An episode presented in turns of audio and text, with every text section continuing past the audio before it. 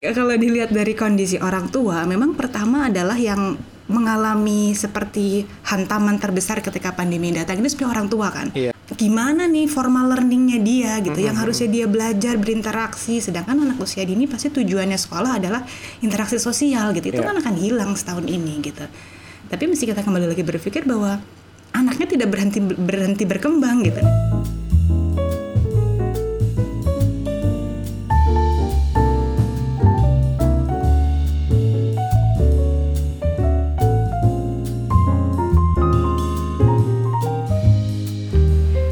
Bapak. Hai Ibu. Kembali di Curhat Babu, curhat Curhatnya Bapak, dan, Ibu. Ah, kurang kompak tampaknya Bapak Ibu pagi ini. Bapak, kamu masih ingat nggak beberapa waktu yang lalu aku sempat curhat sama kamu. Aku nggak bisa tidur. Kita setiap minggu curhat kayaknya. Oh, Kalau iya, benar. ada curhat babu. Oke.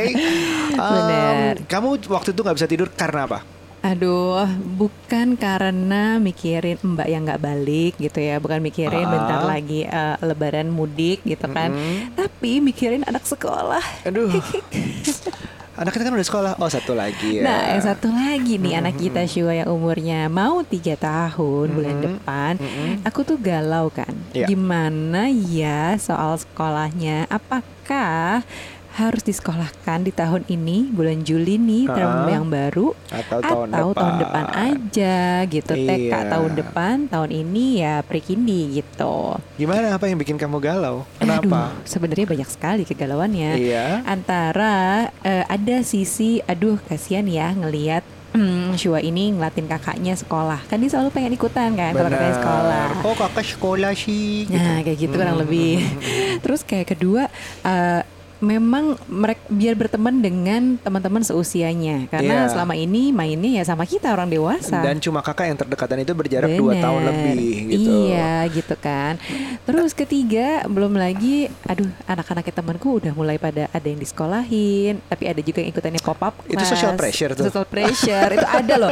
Itu real gitu. Iya, iya. Bener, Itu bener, bener. Paham. Pressure pressure yang real di antara ibu-ibu. Ada yang Bener. udah mulai dimasukin dari kema- tahun kemarin, ada yang labil juga kayak aku gini, Iya. ada yang udah mau Udah masukin tahun besok ini. Fix ya, oke. Udah Ya, fix. aku juga ngeliat se- setahun terakhir nih um, Hmm. pengalaman pengalaman pandemi kok nggak enak ya. Mhm. Tapi ya basically kalau kita ngeliat ke belakang kakaknya kan udah sekolah, Mhm. udah sekolah dan di rumah saja karena Iya. keadaan. Nah. um, Struggle-nya is real sih di awal. Bahwa Di awal. attention span-nya jelasin ke dia kenapa yang tiba-tiba. Dia sebenarnya udah sempat masuk secara ketemuan sama teman-teman terus tiba-tiba harus berubah ke online full. Menjelaskan Uh-uh. terus attention span nemenin. Tugas juga. tugasnya nyesuaiin waktu orang tuanya. Orang tuanya juga masih menyesuaikan diri sendiri terus menyesuaikan anak. Iya. ya itu juga harus ada ya struggle is real lah. Makanya Tapi- itu pasti salah satu konsiderasi kamu kan. Iya, tapi sekarang kalau untuk eh, yang kakaknya nih karena udah TK, kita juga udah bisa beradaptasi nggak sih ini udah setahun. udah lumayan Nah, nanti kita masuk lagi kalau misalnya anak kita yang paling kecil sekolah, kita harus adaptasi lagi, Iya, nambah pasti. satu lagi gitu kan. Iya itu em, aku sih ngeliatnya ada konsekuensinya ya. Jadi maksudnya em, aman tentunya Mhm. pasti sehat insya Allah sampai sekarang kita belum belum terkenal lah yang Mhm. ditakutkan itu. Tapi em, ada hal yang hilang gitu. Ingat gak sih waktu kecil tuh kita semangat banget sekolah tuh ya namanya anak kecil lebih semangat mainnya, ketemu temennya daripada disebut belajar kabur gitu. Tapi ya it- sebenarnya main itu kan belajar ya. Iya. Ya ketemu temennya tuh nggak ada Aku nih tahu si- yang paling miss adalah sebenarnya nganterin anak sekolah dan foto. itu orang tuanya ya. Benar benar benar benar benar. benar. Itu sih, padahal menurutku ya early childhood education itu penting. ini Penting nih ya? pribadiku sendiri sih ya. Jadi aku ngelihat si kakak ini udah aku masukin dari sekolah bayi-bayian dan Ah. lain-lain, activity untuk eh, ya sekolah bayi-bayi kecil Iya. gitu udah dari lama gitu kan. Iya, iya, Sementara karena pandemi ini jadinya nih adiknya yang yang harusnya mungkin juga ikutan sekolah, tapi jadinya Iya. aku stop dulu. Ya, ya, ya, ya, ya, ya. Oke. Eh, eh, jadi kita mau ngomongin early education ya. Mm-mm, early Kenapa menurut kamu penting dan education. kita di sini udah ada yang mau bantu kita dari sisi lebih expertnya. Mhm. Kalau kita kan sebagai parents yang mengalami experience. Nah, ini Iya. mungkin dari segi expertnya silakan Nuca. Yes, aku mau aku mau mengundang Miss Citra Cininta, Early Childhood Education Practitioner dari Departemen Training Research and Development di Highscope Indonesia Institute. Hai Miss. Miss Ninin, hai. Halo Ibu Nuja, Bapak Aryo. Eh, Hey, apa kabar Miss? Baik, Baik, sehat. Gimana kalian sehat juga? Sehat surviving. alhamdulillah. Aku kalau ditanya, aku Selalu Kalau jawabannya. ditanya selalu jawabannya surviving karena nggak mau takabur karena nggak nggak unpredictable banget nih ke depan nih. Miss, boleh dong Ya. dijelasin dulu nih. Tadi kan perkenalan. Kita pengen tahu High Scope Indonesia Institute itu apa? High Scope Indonesia Institute itu adalah institusi yang menaungi sekolah-sekolah high scope di Indonesia. Jadi memang kita tuh ada asalnya dari Amerika, dari USA, tapi kita sendiri tuh berdiri sejak 25 tahun yang lalu gitu, dimulai dari usia dini sampai dengan SMA kalau di Indonesia.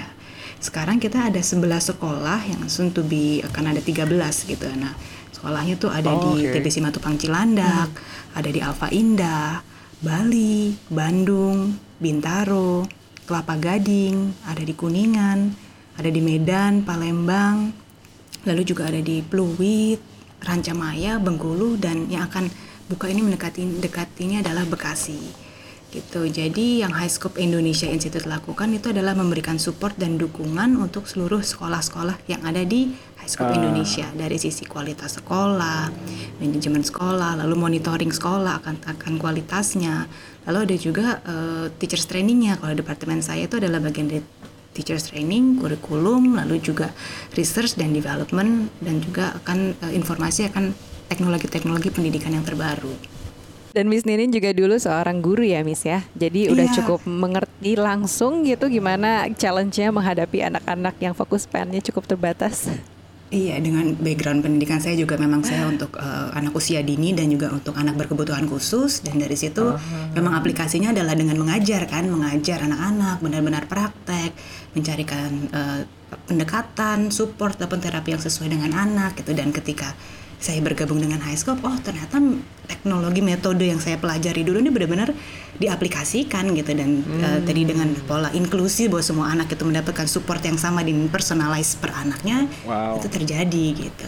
Oke, nah Miss Ninin mungkin tadi sempat dengarkan curhatan aku di awal gitu ya, bagaimana kegalauan aku seorang ibu yang memasukin anak yang paling kecilnya untuk sekolah nih di Ya. tengah situasi yang seperti ini gitu. Aku Oke. mengerti sih bahwa early childhood itu untuk education itu penting gitu kan. Kenapa aku juga aware dengan yang namanya eh, pendidikan walaupun misalnya masih anak-anak setahun tapi Ah. udah ikutan pop up class, udah ikutan eh, apa namanya beberapa kelas-kelas gitu ya dan sekarang udah sekolah TK. Nah, tapi ini untuk yang pre-kindi gitu ya, lebih lebih kecil lagi usianya. Ah. Sebenarnya eh, apa sih pentingnya gitu ya? Apakah dan apakah eh, pendidikan anak usia dini itu penting gitu, Miss? Oke, Eh, mungkin orang tua sekarang tuh saya senangnya ya orang tua zaman sekarang tuh mereka kritis, mereka cari tahu, mereka bertanya, mereka baca gitu kan. Karena eh, beda dengan pola orang tua seperti zaman dulu ketika menyekolahkan anak ya udah sih pilih sekolah A karena sekolahnya mungkin terkenal, saya suka pola pendidikannya ya udah dimasukin dan 100% percayakan sekolah. Nah orang tua zaman sekarang tuh lebih kritis bertanya gitu, apa sih yang Iya. terbaik untuk anak saya untuk mengembangkan? Karena pasti semua orang tua punya tujuan.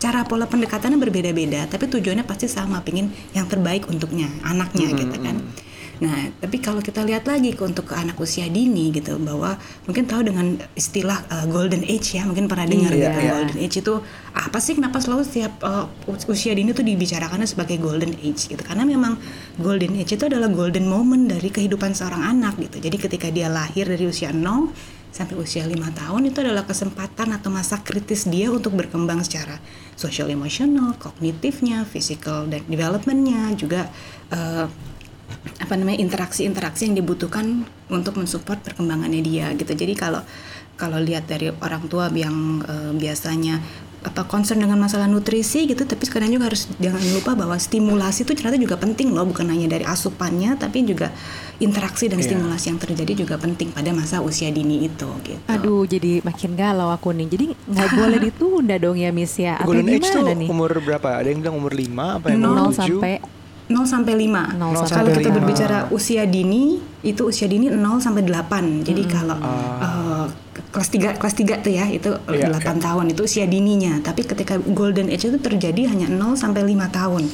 Di mana kalau berdasarkan researchnya Harvard itu adalah perkembangan dendritnya, neuronnya, otaknya semua terkoneksi secara 90% tuh fondasinya di lima tahun pertama kehidupannya. Justru itu segitu pentingnya ya. Iya, Iya. nah tadi balik lagi nih pertanyaanku tadi belum terjawab. Jadi boleh ditunda apa enggak ya Miss ya? Oke, kalau ditunda gini, kita melihat nih sekarang pola kehidupan kita kan sekarang seperti tertunda nih setahun ini. Iya, so kita everything on masih- hold. Iya, on hold. Tapi kalau kita lihat ke anak-anak kita, apakah mereka tertunda? Perkembangannya, bicaranya, gerakannya, tetap kritis bertanya, tetap mau tahu, kan tetap tumbuh kembangnya juga ada, eh, tetap terjadi gitu. Jadi perkembangan anak tuh tidak bisa ditunda perkembangannya. Dan ketika stimulasi yang tepat diberikan, perkembangannya akan menjadi potensi yang maksimal di anak tersebut gitu. Kalau kita orang dewasa dengan mudahnya akan beradaptasi, tapi jangan lupa anak itu adalah seorang adap apa adaptor orang yang sangat beranak tokoh yang sangat bisa beradaptasi dengan baik gitu. Dia bisa teradaptasi dengan ibunya, dia tahu cara mintanya gimana sama ibu, sama bapak juga dia tahu cara bisa mintanya sama bapak karena dia mampu beradaptasi dengan kondisi berbeda, berinteraksi dengan kakaknya sama ke orang tuanya dia tahu kapan itu berbeda, perbedaan itu terjadi gitu. Jadi ketika kita ngerasa beda, anaknya bisa nggak ya gitu. Nah itu kita mesti percaya bahwa anak kita tadi tumbuh dan siap untuk memang menghadapi perbedaan dan perubahan-perubahan yang terjadi gitu.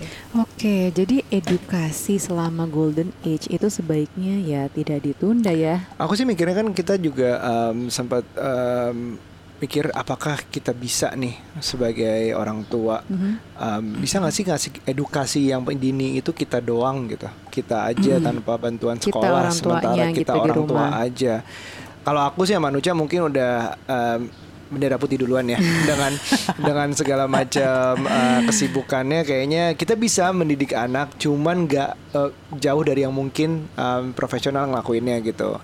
Gitu. Jadi em, apakah mungkin nggak sih kalau ada orang tua yang udah nggak sekolah dulu di dini gue handle semuanya. Itu challengesnya apa sih sebenarnya?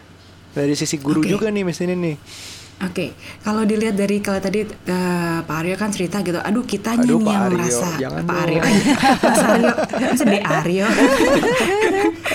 Jadi kalau dilihat dari kondisi orang tua, memang pertama adalah yang mengalami seperti hantaman terbesar ketika pandemi datang ini sebenarnya orang tua kan Iya. Kekawat- tetapi kekhawatiran orang tua sampai tadi eh, Manuja nggak bisa tidur gitu kan itu karena Iya. merasa stres yang berlebihan tentang gimana nih formal learningnya dia gitu yang harusnya dia belajar berinteraksi. Sedangkan anak usia dini pasti tujuannya sekolah adalah interaksi sosial gitu. Itu Iya. kan akan hilang setahun ini gitu.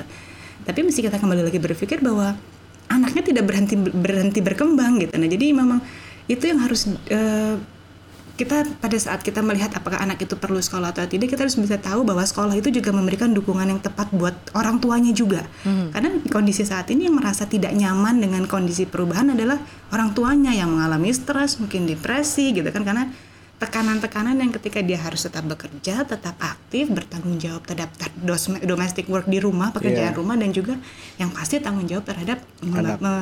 anak ya itu yang utamanya gitu Iya sih. jadi memberikan kenyamanan ke orang tua dulu gitu Hmm, nah ini terkait dengan kenyamanan orang tuanya.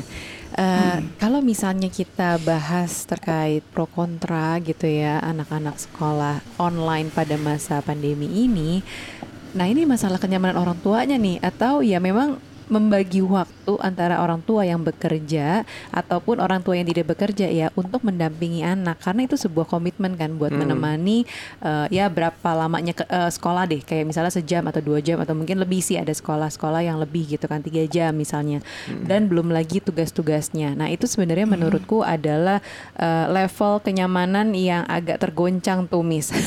Karena mungkin biasanya punya jadwal sendiri dari pagi oh udah berangkat ke kantor eh, udah punya jadwal meeting dan lain-lain sekarang di rumah walaupun work from home mungkin ya ada yang work from home tapi ya udah ada jadwalnya juga gitu kan pasti Iya. namanya orang tua ya.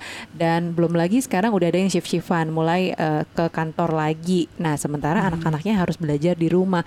Agak bingung agak mengguncangkan ketika aduh nggak punya support system nih di rumah buat nemenin anak eh, anaknya yang kecil nih sekolah gitu kan. Mau nggak mau sebenarnya yang pertama ya kitanya sebagai orang tua mendampingi anak untuk sekolah. Tapi itu kan sebuah komitmen ya Iya, nggak sih dan iya. kamu eh, kamu sendiri juga kan setidaknya mm, jadinya mengurangi jadwal meeting pagi Iya. hari gitu kan Aku jadi selalu kalau mau meeting menyesuaikan di atas jam 11 biasanya iya, minta. gitu kan. Nah, itu pertama. Kedua, kalau misalnya kita terpaksa memang ya memang kondisinya kita harus work from office terus di rumah adanya pengasuh misalnya gitu ya, Mm-mm. entah Mbak atau Nini kan harus kita ajarin gitu ya Ya, Iya. level uh, intelligence mereka pasti beda gitu ya untuk gimana si gimana caranya sigap uh, untuk buka uh, aplikasinya terus belum lagi nanti kalau internetnya down terus apa yang harus dilakukan harus ganti wifi misalnya Mamang-mamang IT nih ada di sini. Nih. harus harus berfungsi juga si pengasuh ini jadi mamang-mamang IT gitu kan dan menurutku nggak semudah itu gitu untuk mengajarkan support system ini gitu atau misalnya ada neneknya atau kakeknya yang mendampingi tapi kan tidak selihai kita lah untuk misalnya gonta-ganti wifi atau misalnya ganti ke handphone iya, gitu iya, kan iya, dan iya. segala macam eh, technical glitch yang terjadi gitu nah mungkin eh, ini kali yang kita rasain juga selama ini gitu Itu challengesnya sih memang. Aku tuh um, di awal-awal pandemi merasa bahwa wah ini um, e- everybody struck hard nih di sini nih. Maksudnya keadaan tuh kaget pasti semua orang. Kita ngutamain biasanya ngutamain makan dulu kan. Apakah makan masih tersedia? Maksudnya as in uh, perut kita masih kenyang nggak? Uh, kerjaan masih jalan nggak? Ya, jadi orang tuanya tuh punya stres duluan yang harus diselesaikan. Biasanya itu dulu terus oh anak-anak sekolah gimana baru dipikirin.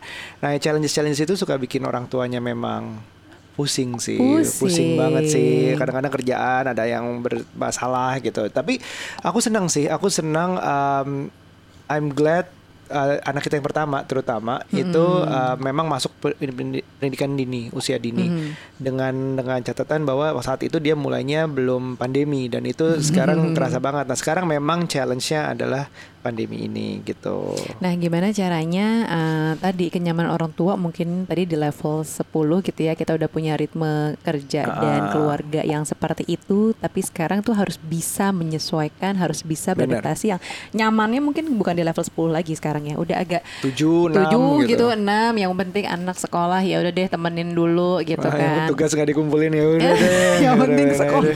Apa itu kita doang ya? itu kita doang kali.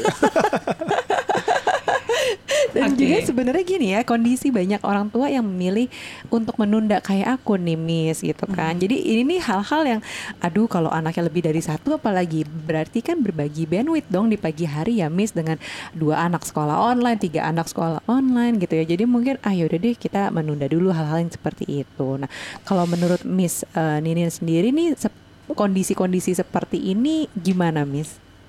Oke, aku ambil analoginya analogi eh, pramugari ya ketika menjelaskan mengenai safety equipment Oke, sebelum terbang oke. gitu ya. Jadi siapkan eh, cara menggunakan vestnya ketika oksigen turun seperti apa gitu. Nah, kalau dari sisi kami training research and development ini kami sadar akan kegalauan orang tua gitu karena saya pun memberikan mencurahkan isi hati saya kepada tim saya ini loh yang saya alami gitu sebagai orang tua bekerja di rumah dan juga harus mengajarkan anak-anak dengan tanggung jawab yang sama gitu Iya. kan. Nah jadi itu yang kita siapkan gitu. Kita harus menyiapkan tadi si safety regulationnya, equipmentnya, toolsnya apa saja, do don'ts-nya itu yang kita siapkan dalam bentuk bisa dalam bentuk uh, parent workshop lalu juga kita akan membuka layanan seperti counseling ataupun uh, apa ya curhat lah ya orang tuanya ke kita gitu bahwa mereka ini nggak sendirian loh di sini. Kita sama-sama nih kita berjuang sama-sama dengan uh, yang kita lawan sama gitu. Nah gimana caranya kita memperkuat uh, orang tua dulu gitu. Karena ketika orang tuanya sudah merasa nyaman dan merasa mampu anaknya pun juga akan merasa nyaman gitu. Kan kalau kita ngerasa ketika kita panik atau marah anak pun juga akan bereaksi lebih dari situ kan. Nah, kita Iya. sadar akan itu gitu. Kita membuat kondisi orang tuanya nyaman nyaman dan aman dan uh, balance lah ya gitu. Iya. kalau sekarang istilahnya mindful lah gitu akan kondisi keadaan sekarang gitu apa yang di depan dia itu yang harus dijalani gitu. Eh, itu yang kita siapkan gitu. Jadi dengan adanya kita punya parent workshop terus juga parents uh, counseling ketika mau cerita sama guru itu terbuka kita punya open door policy at anytime bisa hubungin uh, gurunya dalam jam kerja tapi pasti ya gitu. Terus juga bisa cerita tentang baik anaknya pun kondisi di rumah gitu. Sehingga nanti sekolah itu akan uh, menyesuaikan dengan kondisi orang tua masing-masing gitu. Kita punya rutin lima hari sekolah dan dua hari uh, weekend gitu ya. Dan lima hari sekolahnya itu benar-benar ya, bisa-bisa ya itu jadi kontin apa namanya kontinum rutin yang membuat anak mem- memiliki rutin dan menjadi pola dalam kehidupannya dia. Nah, polanya itu juga disesuaikan dengan ke, ke apa ya ke kesiapan orang tua gitu. Kalau misalnya orang tua tadi aduh saya pagi harus meeting dulu miss jam segini gini gini mungkin nggak misalnya jam berapa tertentu tuh disesuaikan gitu nah itu juga bisa dinegosiasikan gitu disesuaikan dengan kebutuhannya jadi memang kalau uh, orang tua terus anak saya uh, ininya begini ini beda ini gimana? Nah itu memang guru akan memberikan kesempatan untuk diskusi uh, lebih dalam tentang anaknya tentang orang tuanya juga bagaimana caranya menangani uh, permasalahan yang ada gitu. Kalau tadi misalnya, duh tugas-tugasnya susah nih dikumpulin, oke gurunya bisa gimana caranya dia tidak akan dalam bentuk uh, yang membuat anak tuh dan orang tua menjadi stres juga gitu. Karena kalau misalnya gurunya cara mengingatkannya membuat orang tua stres anak juga penanganannya ke eh, orang tua penanganannya ke anak juga pasti juga dengan tekanan yang sama kan gitu jadi ikutan stres juga gitu nah itu yang berusaha kita uh, siasati gimana caranya menjelaskan ke orang tua ini proses belajarnya kita buat personalize per anak sehingga tidak menjadi masalah uh, baru di dalam keluarga tetapi menjadi solusi gitu dalam sekolah dan pembelajaran anak. Okay. Dan juga kita ada babysitter workshop. Kalau tadi misalnya gini, aduh caregivernya nih, gitu kita ada nih, nih babysitter workshop juga ada caregiver workshop itu biasanya kakek nenek datang. Jadi kita ajarin tutorial nyalain uh, Google Classroom, buka Google Classroom itu step yeah. by step. Ada gurunya, ada orang IT yang biasanya mungkin waktunya cuma 45 menit bisa cukup lama karena memang ininya mana, tombolnya yeah. ini mana, yang ini mana gitu. Tapi ya itu yang diajarin gitu jadi baik pakai handphone kalau buat mbak-mbaknya jadi fleksibel kalau ngikutin anaknya ke mana-mana Terus kalau misalnya memang ada caregivernya ya, atau ada ada neninya, tapi ketika nggak ada, kakek nenek pun juga kita equip dengan uh, pembelajaran itu gitu.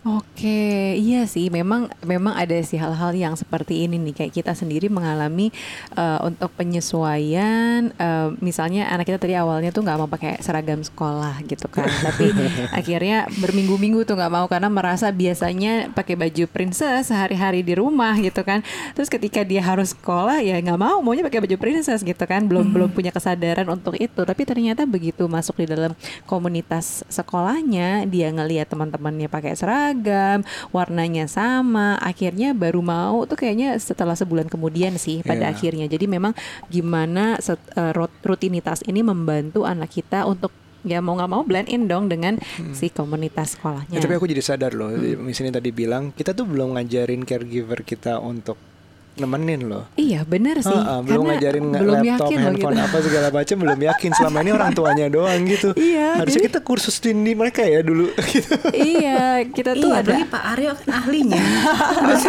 uh, ya, ngajarin tuh not my. iya masalahnya tuh kita kayak belum percaya gitu dengan mungkin kita nah ini mungkin ada tipe-tipe orang tua yang nggak percayaan Tapi nih kayak aku. Kalau dikasih gitu tahu kan. dari sekolahnya nih yang ngajarin sekolahnya tuh iya. seru banget sih harusnya kayak gitu ya. Seru harusnya gitu sih memang ya. Jadi memang uh, uh, ada komunitasnya untuk pengasuh ini caregiver untuk bisa ngerti gitu diajarin step by stepnya gimana gitu tanpa kita yang ngajarin mungkin gitu kali ya. Mm -hmm. Karena memang hal-hal kayak gini mungkin banget terjadi sih ketika orang tuanya harus uh, work from office atau orang tua ada kegiatan di luar di pagi hari kan. Jadi nggak uh. selalu anak tergantung dengan kegiatan orang tua juga iya. sih. Terus balik lagi ke golden age dikit. Um, ini kalau pendengar kita ini pengen belajar lebih banyak tentang golden age, ada nggak sih research-research yang kita bisa harus baca atau kita harus pelajarin istilahnya atau cerita apa gitu yang mungkin menarik untuk tentang Golden Age ini? Oke, okay. terkait research itu pas banget ya. Jadi kalau kenapa sih kita believe banget dengan high scope approach ini gitu bahwa uh, di Ypsilanti Michigan itu high scope sendiri itu membuat research namanya Peri Preschool Project gitu. Preschool uh, Peri Preschool Project itu adalah research terkait dengan pendidikan. Betapa pentingnya pendidikan usia dini pada suatu komunitas gitu. Okay. Dan researchnya ini tuh terjadi secara longitudinal. Jadi dari anak usia dia usia dini sampai usia 40 tahunan itu tuh riset itu tetap berjalan.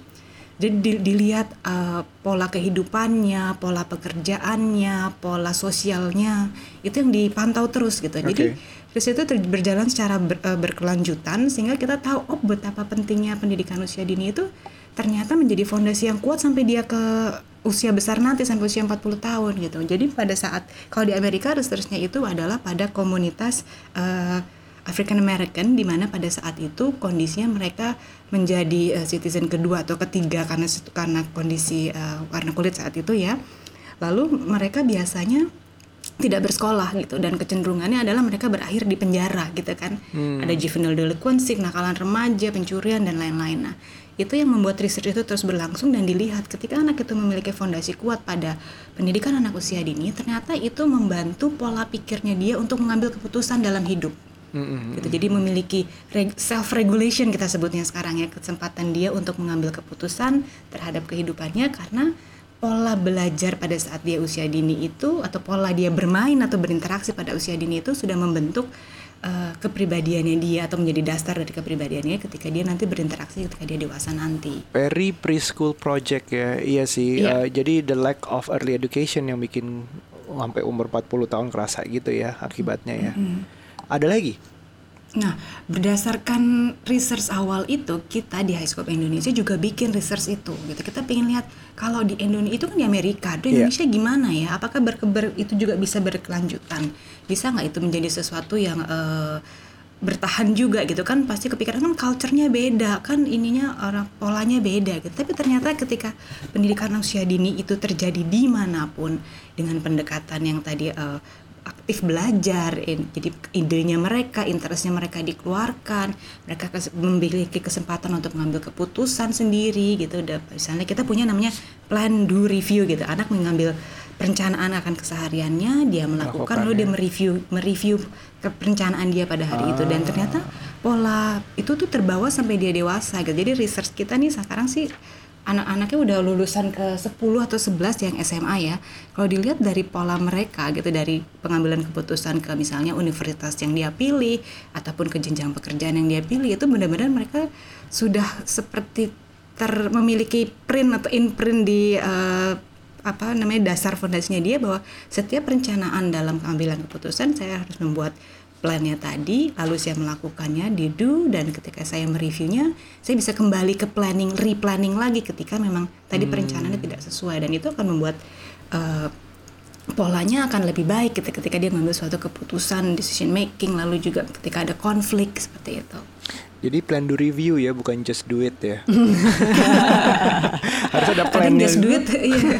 lupa just do it lupa. just do it nggak ada planningnya terus nggak di review ya itu bagus itu bagus sih itu seru sih kalau misalnya anak Iya. anak udah bisa kayak gitu juga seru juga ya ngeliatnya dia Jadi nge-planning dia bisa uh-uh, mengukur dirinya dulu gitu. Jadi saya kira-kira ketika saya ingin melakukan suatu ini saya perlu misalnya kalau anak usia dini lah ya kita taruh untuk saya mau main saya saya senang main masak-masakan apa saja yang saya perlukan. Nah, itu bisa dia dari awalnya dia hanya melihat, menoleh, menunjuk sampai dia mengambil bendanya, dia menggambarkannya, dia menuliskannya gitu ya kan ada pasti ada fase sesuai dengan perkembangannya dia. Itu adalah bagian dari perencanaan Iya, gitu. iya, dan iya. ketika memang anak udah terbiasa gitu zaman kalau pas sekolah eh, face to face orang tuh suka cerita. Kalau aku mau ke supermarket tuh miss ya. Jadi ketika dia mau belanja dia kan tahu dia akan ambil kertas dia akan gambar dia butuh Oh, apa aja yang dia keren. belanja gitu. Kan dia dengan terbiasa di sekolah mau main apa dia akan tulis gambarnya misalnya balok dia mau main eh, pasir. Nah itu dia akan tulis dalam runutan kayak eh, list belanja gitu. Nah jadi saking dia udah terbiasa dengan tadi memplanningkan segalanya sampai orang tua sampai kalau itunya nggak ada anaknya akan nyari oke mah kita cari ke tempat lain karena memang dia saking terbiasanya untuk buat Wow. perencanaan yang harus terjadi gitu kan So nice to hear. Jadi kalau misalnya tadi kan kita udah ambil bahwa pentingnya golden age uh, education itu cannot wait. Tapi what kind of education? Kriteria kita cari sekolah untuk pendidikan anak usia dini itu apa aja sih? Oke, pertama ketika orang tua melihat sekolah itu eh, cocok nggak ya gitu, pertama kita harus datang ke tempatnya, ke sekolahnya, atau misalnya sekarang kita diskusi dengan eh, spokesperson dari sekolah itu, kita tanya kurikulumnya apa sih, Ya. jenisnya seperti apa kurikulum pendekatan yang diberikan oleh sekolah itu terhadap nanti anak saya nanti. Itu misalnya ada jenis A, jenis B. Terus ketika kita mendengarkan penjelasan terhadap satu kurikulum itu kita ngeliat juga ini cocok nggak ya sama anak saya? Anak saya tuh model yang duduk diem atau yang benar-benar muter seharian dan butuh dan nanyanya nggak berhenti berhenti semua ditanyain gitu. Nah, ketika sih kita merasa oh kayaknya anak saya cocoknya dengan kurikulum itu, maka uh, kita harus uh, gali dalam tuh terhadap pendekatan tersebut. Kita tanya ke mungkin kepala sekolah, ke pihak sekolah yang menjelaskan, gitu jadi uh, kurikulum itu adalah hal yang orang tua harus tahu gitu kan kalau zaman dulu ya uh, orang tua mungkin masukin sekolah akan atas dasar agama walaupun itu tidak salah juga gitu yeah. itu iya. adalah suatu kepilihan ya cuman tetap aja ketika itu menjadi suatu pilihan kita tanya terus kurikulum dan metode pembelajarannya seperti apa anak saya akan disupport seperti apa stimulasi apa yang akan diberikan kepada anak saya gitu hmm. itu adalah fondasi pertamanya lalu yang kedua karena kita mempercayakan anak itu ke sekolah pasti kan kita menganggap sekolah itu sebagai partner kita betul ya. berarti kita kita mesti tahu uh, orang tua keduanya adalah guru-guru di sekolah kan. Uh-huh. Guru yang di sekolah itu sudah uh, pasti kita nanya background pendidikannya pertama, hmm. lalu pengalamannya biasanya, lalu jenis pelatihan atau training-training apa saja sih sudah yang diberikan. Apakah dia tahu mengenai perkembangan anak usia dini? Kalau hmm. misalnya kita ngeliat, oh gurunya backgroundnya bahasa Inggris, tapi masa kan susah loh nge- nge- apa ngurusin anak usia dini gitu, walaupun mungkin bahasa Inggrisnya di universitas ternama gitu kan. Tapi kita mesti kita lihat juga apakah diberikan training khusus untuk perkembangan anak usia dini karena hmm. itu adalah masa khusus tadi dibilang golden age tadi harus jadi benar-benar stimulasinya harus sesuai dan guru pun harus tahu akan uh, hal tersebut. Okay. Lalu selain teacher training ada uh, oh ini monitoring and supervision. Jadi kan kalau tadi uh, kadang sekolahnya kita pilih sekolah, ini sekolahnya cabangnya banyak loh, berarti bagus nih udah di mana-mana gitu. Kita masih tetap cek ini sekolah ada bagian yang memonitor nggak? ada yang mensupervisi guru-gurunya nggak? Hmm. Berapa sering prinsipal melihat aplikasi dari training itu benar terjadi nggak di lapangan gitu? Terus hmm. biasanya juga melihat nilai apa namanya nilai, ya sorry uh, jumlah komplain orang tua, respon okay. orang tua terhadap uh, sekolah tersebut gimana gitu. Nah jadi kita banyak cari. Jadi orang tua tuh biasanya juga memang jadinya akan research sendiri terhadap sekolah itu gitu. Gimana uh, pendapat orang lain walaupun itu nanti akan sedikit mempengaruhi keputusan ya. Kalau memang sudah suka ataupun tidak itu kan kembali lagi kembali ke pribadinya ya. Tapi ketika uh, banyaknya informasi yang bisa dia dapat dari lingkungan itu akan memperkaya pengambilan keputusan dia gitu. Okay. lalu ketika supervisi itu terjadi uh, biasanya kan kualitas sekolah juga akan terlihat kan. Mm. kondisi sekolahnya terus kalau zaman kalau kita lihat sekolah-sekolah umum biasanya kita lihat ada tulisan akreditasi Okay. Nah itu adalah jenis yang namanya monitoring yang terus supervisi yang akan terus terjadi terhadap uh, guru dan sekolahnya. Akreditasi itu yang disamakan itu ya, bukan? Ya, zaman dulu ya, zaman dulu ya. Sekolah kita gitu ya. A, B ya, disamakan ada tingkatannya ya dulu gitu ya. Uh, uh, Oke. Okay. Hmm, lalu juga hmm. yang pasti kita percaya kembali lagi bahwa pendidikan pertama itu pasti terjadi di orang tua kan. Iya. Yeah. Nah jadi kita pingin banget kita lihat nih sekolah itu adalah sekolah yang melibatkan orang tua jangan sekolah orang tua bertanya gitu e, ini hari ini belajar apa gitu e, nanti tahun pas terima rapot dikasih tahu gitu kita nggak bisa kayak gitu kita benar-benar harus tahu bisa day by day gitu ketika reportnya terjadi atau ketika memang uh, pembelajaran keseharian nih ketika di rumah sehingga bisa diulang orang tua tahu akan apa saja lalu juga kita merasa orang tua itu sebagai partner jadi kita akan ada parent workshop yang sehingga pendekatan di sekolah approach approach yang sama approach yang sama itu bisa juga terjadi di rumah karena kan tadi kita mau terjadi secara simultan kan mm -hmm. support di rumah dan support di sekolah terjadi secara bersamaan sehingga perkembangannya terjadi secara maksimal. Oh. Lalu mm -hmm. uh, oke okay, satu lagi adalah assessment. Assessment assessment itu bisa terjadi buat anak karena kita lihat namanya rapotan. Mm -hmm. Tapi assessmentnya seperti apa? Apakah tes? Apakah gimana ya kalau anak usia dini gitu ya? Kalau anak usia dini biasanya yang dilakukan oleh sebuah sekolah adalah melakukan observasi mendalam terhadap anak. Lalu juga sensitivity to non academic and needs uh, needs of children. Jadi misalnya kalau anak usia dini kan biasanya masih toilet training. Yeah. Terus makan dan minumnya tuh tidak bisa belum ada jadwal persis. Kadang-kadang lapar kadang udah disiapin makan malah nggak lapar terus lagi nggak ngapa-ngapain tiba-tiba tantrum pingin minum susu gitu. Nah nah itu adalah sensitivity needs yang kita sebagai uh, uh, orang dewasa di sekolah harus tahu bahwa itu support yang harus diberikan kepada anak ketika dia udah nggak nyaman duduknya nih. Oh masih dicek. Oh iya udah penuh popoknya gitu. Jadi walaupun kadang-kadang kita ini guru-gurunya muda banget ya gitu. Tapi karena sudah melalui pelatihan pelatihan-pelatihan tadi sehingga dia tahu sensitivity needs yang dibutuhkan anak tuh apa saja.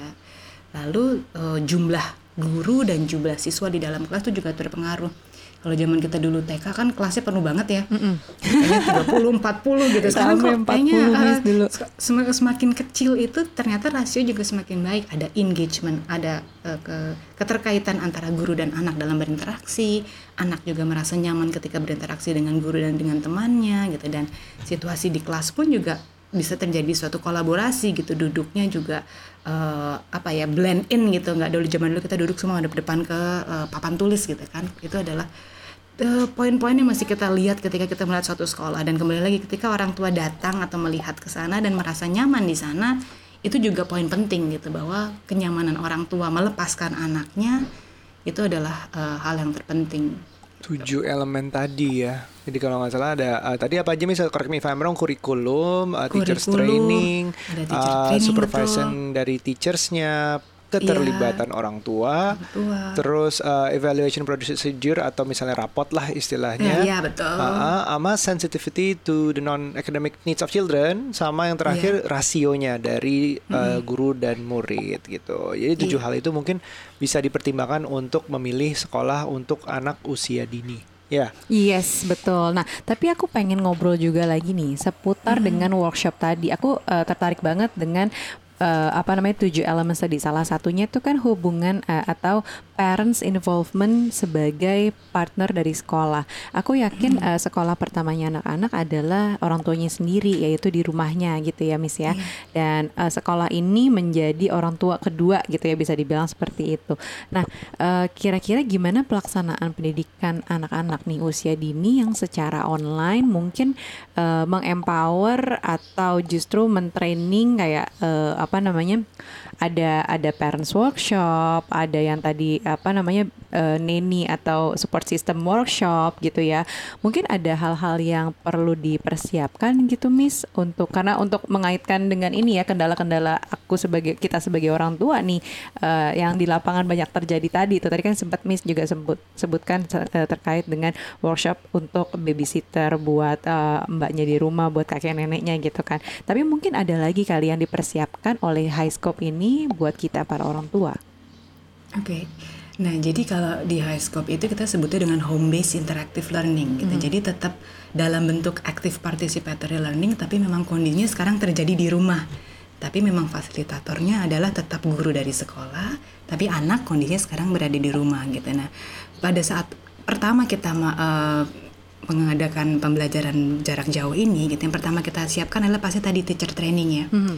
gurunya kan juga tidak terbiasa mengajarkan anak khususnya anak usia dini tadi dengan attention span yang pendek yang masih dua menit lari tiba-tiba ada yang datang teriak tiba-tiba ada yang nangis gitu. Nah gimana caranya guru juga siap dengan kondisi itu gitu. Karena walaupun rasionya kecil gitu hmm. misalnya satu banding 5, satu banding 10 tapi kan ketika anak itu dalam jarak jauh susah untuk dia gapai kan ya kalau bisa dia dekat ya bisa dengan dia mudahnya dia gendong yeah, dia iya, iya. nyanyi yeah. gitu kan dia ya guru preschool lah dia akan nyanyi, nari, joget-joget dan anaknya juga akan engage ke sana. Nah, tapi ini kan ada terbatasnya layar, memang kondisi itu menjadi sangat tidak ideal. Gitu. Jadi kita menyiapkan gurunya gimana caranya dia jangan uh, apa ya kasarnya sih dibilang patah semangat gitu karena memang akan jauh lebih sulit dibandingkan ketika memang face to face gitu dan hal itu pun juga kita berikan pemahaman ke orang tua gitu bahwa uh, kita tadi dalam bentuk tadi parent workshop ataupun hmm. training gitu kan ke orang tua bahwa tadi dijelaskan ke attention, attention span anak yang memang tidak belum panjang dan juga memang dengan media jarak jauh ini kemungkinannya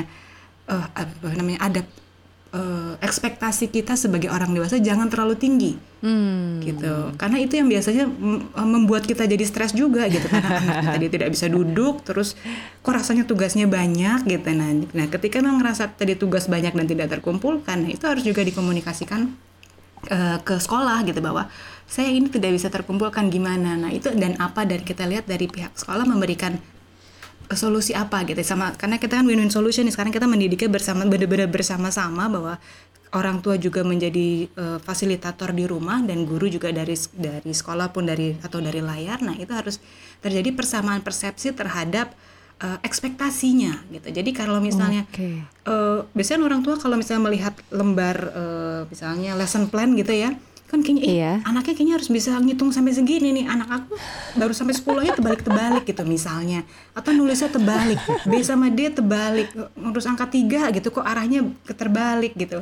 Nah jadi kadang-kadang ekspektasi yang terlalu tinggi itu membuat kita menjadi stres sendiri gitu. Sedangkan memang ketika kita ber, harus tadi diskusi lagi sama orang sama gurunya kita tanya e, kalau kalau gini gimana sih sebenarnya? Apakah nggak apa-apa apakah harus di uh, diajarin lagi atau gimana gitu. Nah kayak yang seperti itu harus kita komunikasikan gitu ketika memang sekolah bisa Iya. memberikan kenyamanan saat memberi orang tua curhat lah ya curhat atau cerita tentang kondisinya itu yang membuat orang tua juga menjadi stresnya lebih turun terus juga lebih bisa bertindak lebih eh, tenang gitu karena kan kalau anak anaknya stres anaknya bestnya lari ataupun teriak ataupun marah orang tua pun juga jadi marah gitu. Jadi semuanya tidak akan terjadi secara kondusif pembelajarannya gitu.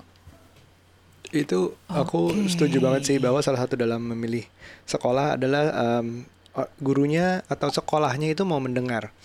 Jadi Iya. eh, sekarang itu karena menurutku setiap anak, setiap orang tua beda, setiap anak pun beda minatnya, keahliannya eh, itu beda-beda. Dan kalau misalnya komunikasinya nggak lancar, itu nggak nyampe, ya yang rugi juga anaknya juga gitu. Menurutku kalau itu benar-benar partnership kan ya antara sekolah, guru dan uh, orang tua dalam membesarkan anak. It takes a Iya. village to raise a child. To raise a child. Jadi um, penting banget tadi untuk pilih sekolah yang juga salah satunya menurutku nih, menurutku pribadi adalah mendengar, bisa berkomunikasi dengan orang tua dan tahu akhirnya demi kepentingan anaknya akhirnya. Iya, yang kalau buat aku ya dari beberapa obrolan tadi kita yang obrolin sama Miss Nini nih, eh, aku paling tertarik tuh soal training ke gurunya karena Iya. mungkin eh, masih masih ada aja juga gitu ya sekolah-sekolah yang dengan guru tidak training secara reguler Oh, gitu. saya mengalaminya kok. Oh gitu. saya sendiri Kamu dulu waktu waktu masih kecil ya.